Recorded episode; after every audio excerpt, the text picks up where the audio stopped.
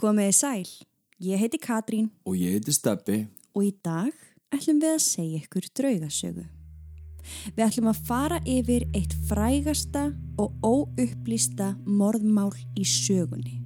Þegar við sennilega heyrt talað um málið, séð útfærslur þess í bíómyndum eða ótal sjónvastáttum.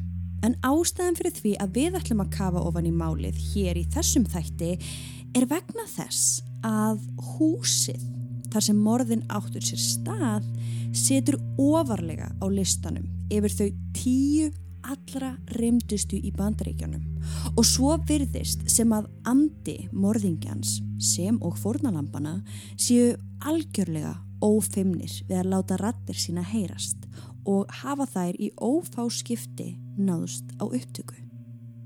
Veri velkomin í Lissi Borden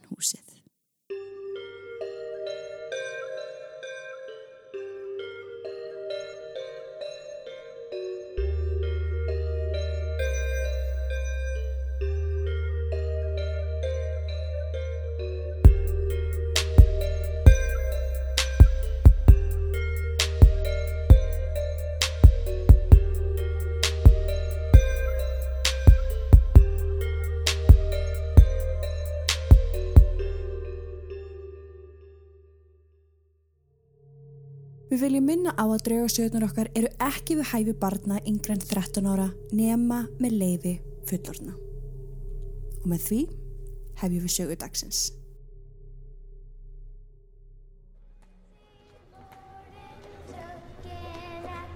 She killed her mother with 40 whacks. After she saw what she had done, she gave her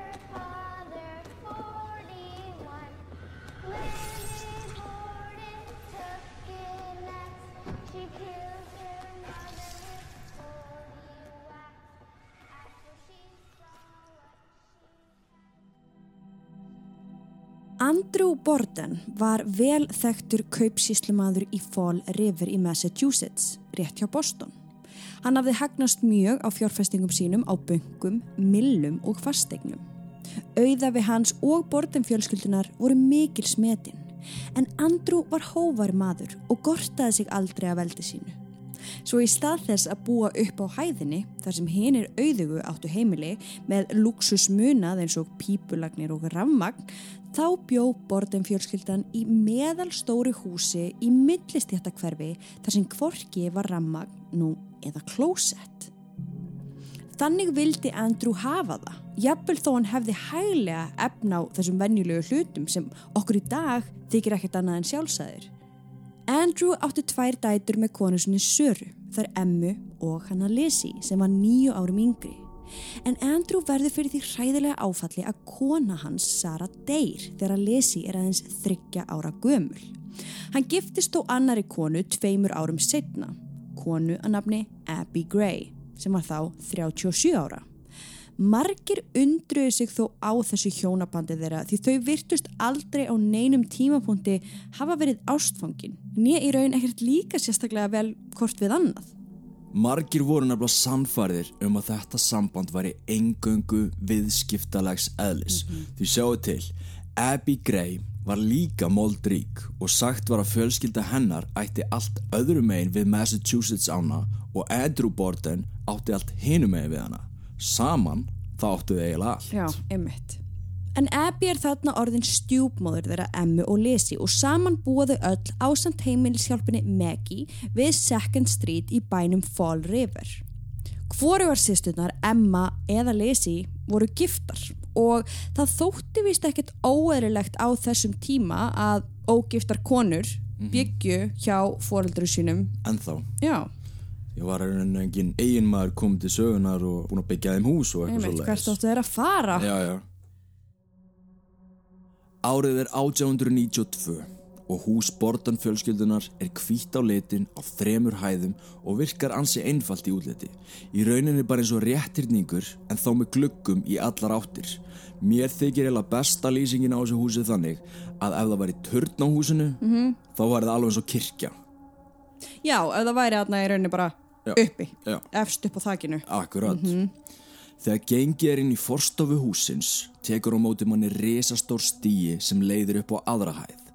Til vinstri er stofa og út frá henni er svo borðstofa. Ok, Beint á móti inganginum þar sem við gengum inn er setustofa með litlum sófa og út frá því er svo eldús. og það er hið sögufræga herbergi með sófanum. Já, alveg rétt. Við fyrir nánar út í það hérna á eftir og endilega kíkja á myndirna sem að fylgja þættinum. Sófin er ekki ennþá þann.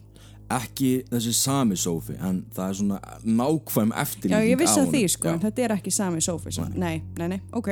að þegar komið er upp á aðra hæðina er gestaherbyggi beint á móti steganum -hmm. og herbyggi Lizzie er til hægri við hennar stega Ok, innan við það eru svo herbyggi Emmy Borden og innst inni er svefnherbyggi för þeirra Andrew og stjúpmóður þeirra Abby -hmm.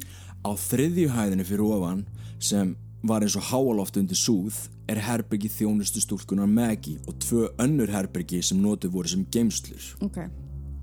Morðin sem við erum að fara fjallum gerðust þann 4. ágúst 1892 þegar Lizzie Borden var 32 ára gömul. Þessi morgun var eins og hver annar morgun hjá Borden fjölskyldunni. Maggie þjónustukonan gengur frá morgunverðinum á meðan Andrew klæði sig í jakka og gerir sig kláran fyrir göngutúni sinn niður á pósthús eins og hann gerði alla aðra daga. Hann fór rétt fyrir klukka nýju og var komin aftur heim um hálf ellefuleitið. En þegar að Andrew reynir að opna útidrahurðina, þá er hún læst. Hann reynir við bakdyrnar en þær eru líka læstar. Hann sér þá Maggie þjónustu konuna inn í eldúsi og veifar til hennar og byður hana um að opna fyrir sér. Þegar Andrew gengur inn í húsið, heyrir Maggie greinilega í Lizzie flissa á hæðinni fyrir ofan, eins og hrekkjótt barn. Andrew fer úr jakkanum og sest í setustofuna. Hann spyr hvar Abby, konan sín sé og þegar Lizzie gengur niður stegan segir hún pappa sínum að hún hafi farið að heimsækja vinkonu sína sem var lasin. En hvaða vinkonu viss hún samt ekki. Andrew hallaði sér í sófan og ætlaði að fá sér smá blund eftir göngutúrin. Þjónustu koninni Maggie leið ekki vel en það hafði magapestur að hjá hana í nokkra daga sem á aðra á heimilinu. Hún ákveður að ganga upp í herbergi sitt á þriðju hæð og kvíla sig bara aðeins líka. Um klukkan tíu mínútur yfir 11 heyrir Maggie í Lizzie öskra á sig að koma niður í kvelli því einhver hafði drepið Andrew pappinar. Hún hleypur rakleiðis út úr húsinu og fer til nágrannans í húsinu beint á móti sem að læknir. Hann kemur yfir og á mótonum tók hrottaleg sjón. Andrew Borden lá í sófanum þar sem hann hafði sopnað aðeins nokkrum mínútum áður. Allur í blóði. Höfuð hans var það illa farið að í öðrum kringumstæðum hefði ekki verið hægt að bera kennsla á hann. Hauskúpan var innfallin og annað auga hans hjekk niður kinnina og var það greinilega klofið í tvent. Það var lækninum ljóst að hann gæti ekkert gert til að bjarga Andrew. Hann hafði látist samstundis og verið myrtur í svefni.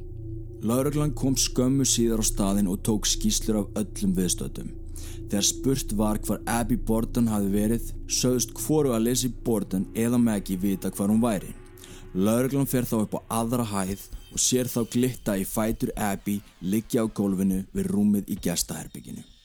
Hún var einnig látin og hafði líkt og eiginmaður sinn fengið ítrekuð högg með öksi í höfuðið. Aftan frá í nakkan en Andrew beint í andlitið. Abby hafði verið myrt um klukkutíma áður en Andrew var drepin. Blóðið lag ennþá út úr höfði hans á meðan á skýrslutökum stóð.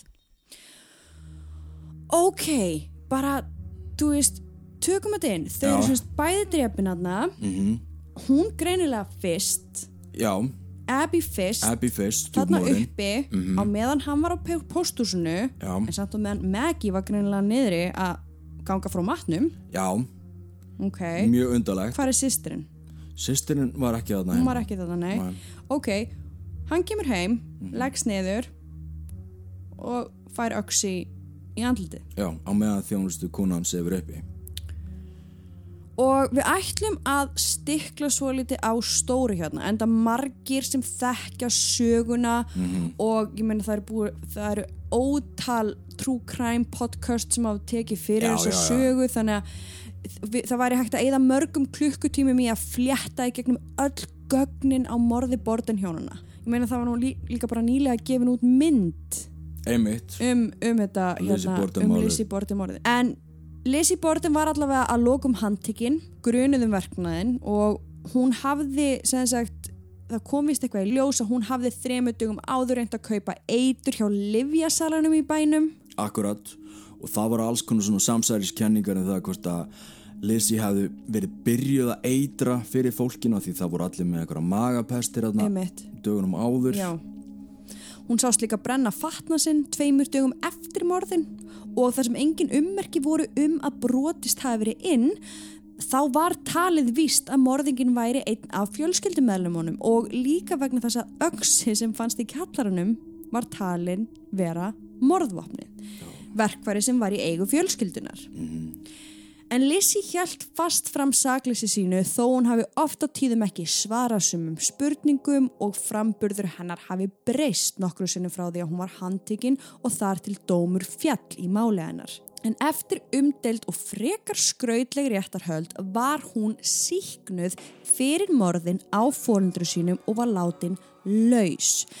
Þarna um tíu mánuðum eftir að voðaverkin áttu sér stað. Já. Og þetta var náttúrulega bara, þetta var risastórt mál, ekki bara þarna í Fall River eða Boston heldur út um allt landið. Þetta vakti mikla aðtigli og það gæti engin trúaði að þessi saklausa kona þarna sem þú veist, kendi í sunnudagaskólanum og, og var dóttir þessa auðvega manns gæti búrið ábyrða á þessum voðaverkum.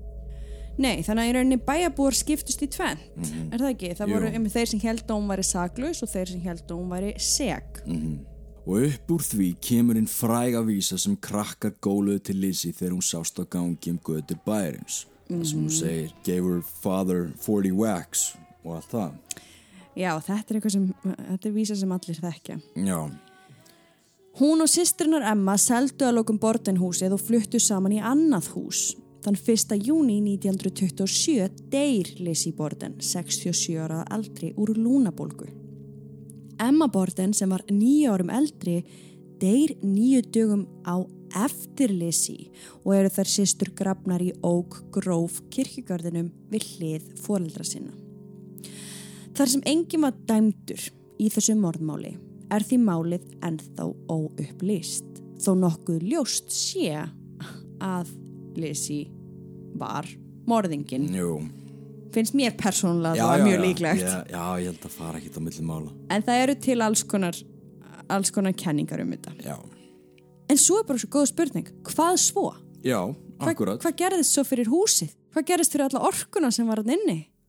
Í tæpa öld var húsið heimili í eigu McGinn fjölskyldunar eða allt til ársins 1996 þegar afkomendur ákveða að breyta húsinu í gistiheimili og koma þannig til móts við ára langar ofsóknir almennings. Að því í gegnum tíðina var algengt að forvitnir vegfarendur gægðust inn um glugga eða bönguðu upp á í vonum að með að koma inn og skoða fræga bordenhúsið. Já, já, þetta, þetta er eins og með Amityville og með Conjuring húsið. Ég Dark Tourism. Skil þetta 100%? Já, já, já, já. Kannski samt ekki að banka á glugga hjá fólki sem býr þar. Ég veit ekki með það. Já, kannski. Jú, ég myndi kannski Jú, gera það. En þar með svöruðu þau eftirspurnin og gátu loks hagnast af þessu öllu saman í leiðinni. Einmitt. Lizzie Borden húsið hefur verið gisti heimili síðan þá og er starfandi enn þann dag í dag. Það hefur verið málað dökkgrænt á lit sem að gefur húsinu svona það dulafulla yfirbræð sem það stendur nú fyrir. Það hafa auðvitað allir stærstu sjónvastættirnir fjallaði morðin í húsinu en líka allir paranormal þættirnir því draugagangurinn er svo mikill að nánast allir sem eigða þarna nótt hafa einhverja sögu að segja. Þar á meðal eru hjón sem að gisti í herbyggi Andrew og Abby Borden sem eru á annara hæðinni. Ok, en það er samt ekki herbergi er það það sem hún Abby var myrt, nei, hún var myrt í gestaherbygginu sem er svo satt alveg beint á móti stegunum eila hinum megin á annari hæðinni Ok, en það var samt á sömu hæð. Já, Ok, þau bókuðu sér gistingu ég vonum að vera vitni að einhverju yfirnáttúrulegu en líka auðvitað til að heimsækja þetta sögufræga hús og kynnast menningun í leðinni það er það sem allir segja. Allir þeir sem vilja leita draugum, þau segja svona, já, ég er líka komin til þess að, kynnast menningunni já, og sögunni. Dark Tourist En þau urðu allan ekki vitna á neinu nýja hyrðu nokkuð undarlegt. Nú? Þanga til að þau fóru í morgunverðin daginn eftir. Og taktu eftir, sko, þetta morgunverðaborð er mjög frægt. Í sem sagt borðstofu húsins á fyrstu hæð er þetta langa mataborð sem er það sama og borðin fjölskyldan átti. Og á milli ljósmynda af krupningunni á mataborðinu og nokkrar gerfi hauskúpur hér og þar þar er morgunverðaborðið það sama borð og krupningin býtu, býtu. Já, Þannig að morgunverðaborðið er sama morgunverðaborð og börn fjölskyldan átti. já, Ofan á þessu borði eru myndir af krupningu á borðin hjónunum og svo svona hauskúpur hér og þar til þess að gera þetta meira creepy. Já, Og þetta er borðið sem gestirnir ganga að þegar þeir eru að fá sér morgunverð. já, rétt Cool. Og það er einmitt á þessu borði það sem að krupningin átti sér stað Já, þau voru kröfin á þessu borði. Já, Er það ennþá hann inn? það er anþá að inni Vá. Og á borðstólnum er það sama og alla aðra daga ásins. Nákvæmlega sama og borðin hjónin borðið í morgumat þarna skömmu áður en þau voru myrt. Hvað borðuðu þau? Það var sem sagt í bóði einhverjar. Jimmy pönnukökur heita þær, eitthvað, eitthvað amerist og svo einhver svona steiktar pulsur. Eitthvað svona amerísku morgunverð. Já, brauð og eitthvað. En allavega, aftur á hjónunum okkar Já, sem upplöðu ok. engan draugagangum nóttina. Nei. Þau taka nefnilega eftir því að við þetta frábæra morgunverðaborð er aðeins tíu af heilum 20 gestum viðstattir. Þegar þau heyr allt í hennu að allir, hver einasti gestur á þriðju hæð gisti heimilisins hafi orðið vitni á einhverju svo hræðilegu að þau flúðu öll út úr húsinu um miðjanótt og hafi neitað að snúa aftur. Sumir voru í tárum, aðrir í sjokki en allir voru þau farin. Þannig að þau heyra þetta við morgunverðaborðið. Já, bara það vantar helmingin á húsinu og það bara, Þau já, fóru út í nótt af því það bara gerðist eitthvað hræðilegt. eitthvað hræðilegt. Já, sem að hrættu þau bara út. Hvað gerðist? Nákvæmlega. Við erum hér engungu til þess að upplýsa fólk, en ekki rífa upp gömul sár. Við segjum söguna eins og hún er, því hvort sem fólki líka betur eða verð, þá gerðist þetta hér, á þessu litla landi okkar.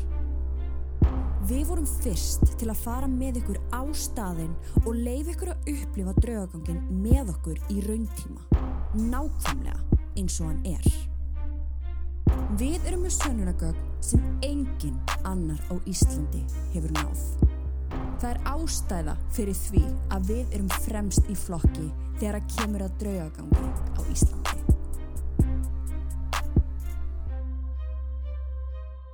Skoðuðu áskriftarleiðirnar inn á patreon.com skástrygg draugasögur.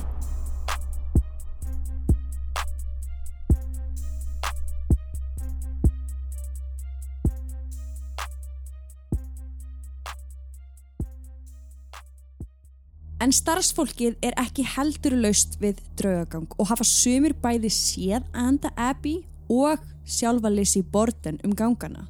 Nokkur neita að vera inn í húsinu að nóttu til og sofa frekar út í bíl með hótel síman á sér. Þannig að þetta fólk er svo hrætt við að vera á vakt Já. þrátt fyrir að það séu gestir með þér inni Já. að þau frekar bara ætla að vera inn í bíl með hótelsíman. Já, kannski frekar en að vera það sem að Andi Axar morðingja er líklega á sveimi þannig. Og svo eru það aðrir sem bara neytar heimlega að taka þessi nætuvaktir. Já. Daglega eru leiðsuguferðir um húsið og því myndast ákveðin svona samhældni í hópnum þar sem nánast engungu eru gestir húsins sem fara í leiðsuguferðnar sem eru innifaldar í gisti verðinu. Já.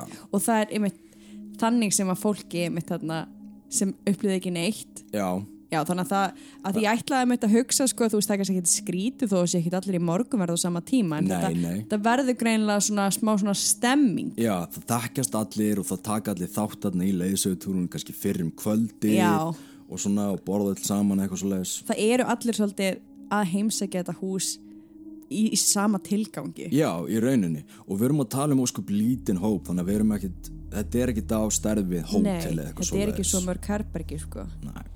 En það er semst ein lítil saga uh, leiðsugumæðurinn sem að fer með hópin uh, hann mælir alltaf gegn því að gestir fykti í andaglasinu eða witchy-bordinu sem að er til sínis í setustofunni. Þetta er engungu bara til sínis Já. þú átt ekki að vera að fykta með Nei, þetta og, og hann segir náttúrulega reynda líka bara ekkert að fykta með þetta yfir höfuð. En síðan gerist það einn daginn að því var hreinlega stólið Já, því var bara stólið já, einhver bara að taka sér minjagrip á meðan starfsmaðurinn var út í bíl á nætuvakt kannski þá. En býðið aðeins að því að það barst þó fljótlega aftur til húsins Ouija-borðið svo sagt. Já, með FedEx. Hraðsendingu. Þar sem þjóbótti gesturinn hafði skrifað afsökunarbeðinni og neðst niðri með stórum stöfum. Please make it stop. Hann hefur bara lent ykkur í því líku eftir hennan þjófnað. Ég fekk gæsa húð, hann hefur verið að fykta hann er að fykta með hlut sem er inn í þessu húsi búin að vera þar kannski mörg mörg ár. Já, já. Með þessari orku sem er þar inni og þú stelur því síðan. Já, skammast því bara. Þú átt ekki vona góðu. Nei, nei. Hvað gekk manninum til? Hann vissi ekki reynilega ekkert. En hann sá að sér og hérna og sendi það tilbaka. Starfsfólkið var líka gæsti sérstaklega við anda Andrew Borden sem er mein illa við ókurteysi og hreinlega þrengir að hálsi þeirra sem að sofa í húsinu. Já, og þá sérstaklega í herbygginu hans og Abby Já. Hann náttúrulega, hann, hann var bara Hann var bara myrtur. sofandi Já. Hann var bara sofandi. Og svo allt í henni bara fullt af fólki komið í húsið þitt. Mhm. En það er áhugaverður gjörningur sem virðist virka. Ef þú vilt ekki að Andrew ónáði þig á meðan þú sefur, skaltu skilja eftir peninga á náttborðinu og þá lætur hann þig alveg í friði.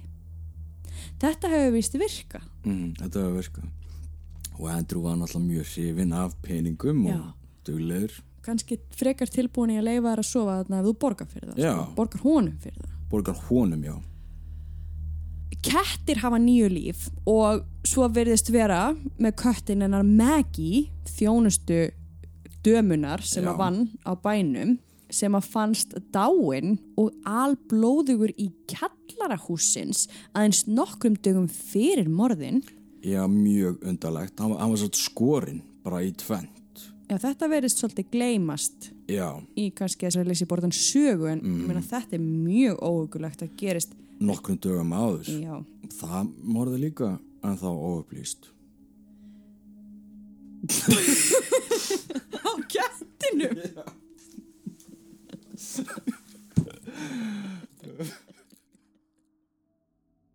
Ósynilegi kötturinn áða til að nutta sér upp við fætur gesta sem hann líkar vel við og mjálmar stundum í herbergjum fólks þó að engin gæludýr séu leifð í húsinu. Að minnstu kosti engin lifandi Nei, og ég meina þetta hefur nú komið fram í mörgum sögum hjá okkur. Já, dýr þetta ganga, dýr sem ganga aftur. Já, já. sérstaklega mitt kettir og hundar öllum gestum sem eigða þarna nótt er gert grein fyrir því að það sé ekki möguleiki á endurgreðslu. Skildu þeir flýja herbergi sitt áður en dvölinni er lokið.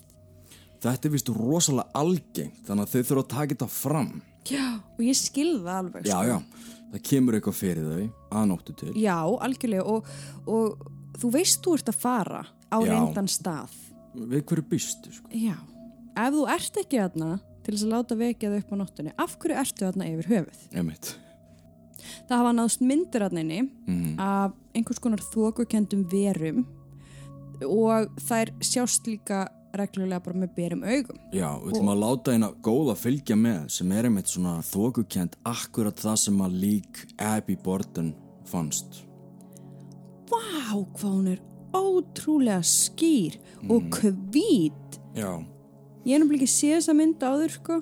Hvar Nei. sagður hún væri? Inn í... þetta er inn í gestaherbygginu það sem að Abby Borden var myrt. Hún var líki hennar fannst akkurat að það sem að þessi, Ó, hún er Skýr, já. virkilega skýr. Hún er bara algjörlega hvít.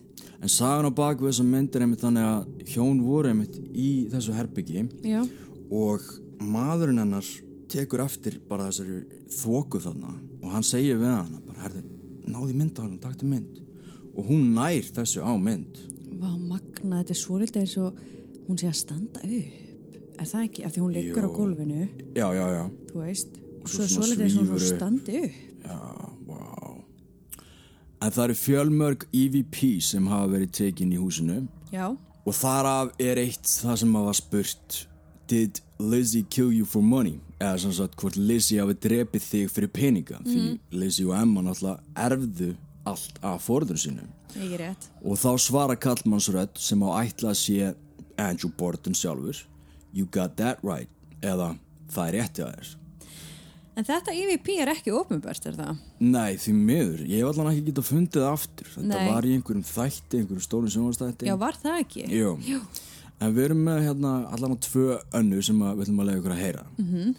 Og þar á meðal er eitt tekið í borðstofunni. Og þá heyrist bara einhvern segja Stop laughing.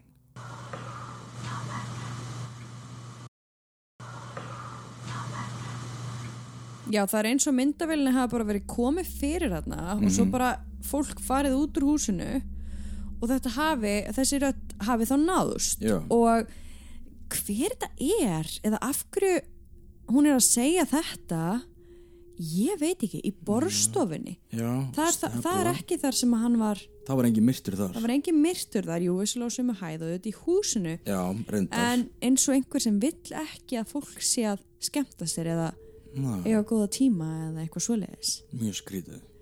En þetta er skýrt EVP Já, næsta EVP um, er tekið af paranormal rannsakendum og þessi stelpa er að spurja sem sagt hver draf þig eða who killed you og þegar hún hlustar á upptökuna tilbaka að þá heyrir hún rödd, hún er, hún er óskýr finnst mér en heyrðu, spilum þetta og sjáum hvað þið heyri fyrst ok You can tell the world what happened. All you need to do is talk.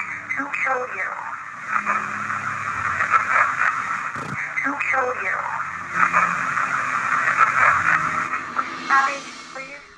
Já, þetta er mjög óskýrt. Þetta er óskýrt en En þetta er tekið af þessu myndbandi þannig að við skulum láta það fylgja með og þá kannski heyri það betur. Já, myndbandi sjálft. Já. og sagt svona í hvaða mínútu. Já, það er. Akkurat, já, af því að kannski er svona aðeins verri hljóðgjaði Mhm. að taka það þaðan og hingað inn. Emmett en það sem röddinn segir er Lizzie Lizzie Borden Já, þetta er gott og hérna staðferðstir svolítið svona það sem fólk hefur haldið í gegnum tíðina Einmitt. Þetta mál er eitt af frægasta í sögu bandaríkjana og þó að fórnulömpin hafi ekki getað vitnað í rétturhöldunum yfir sagborningunum gera þau það svo sannarlega í eftirlífinu. Mögulega með morðingja sínum í næsta herbergi. Í dag er eins og fyrir sagði Lizzie Borden húsið starfandi gistiheimili og hægt er að bóka nótt í einu af þessum frægu herbergjum þar sem þessir hróttalegu atburðir áttu sér stað fyrir um 130 árum síðan. En spurningin er, myndir þú þóra að gista þarna nótt?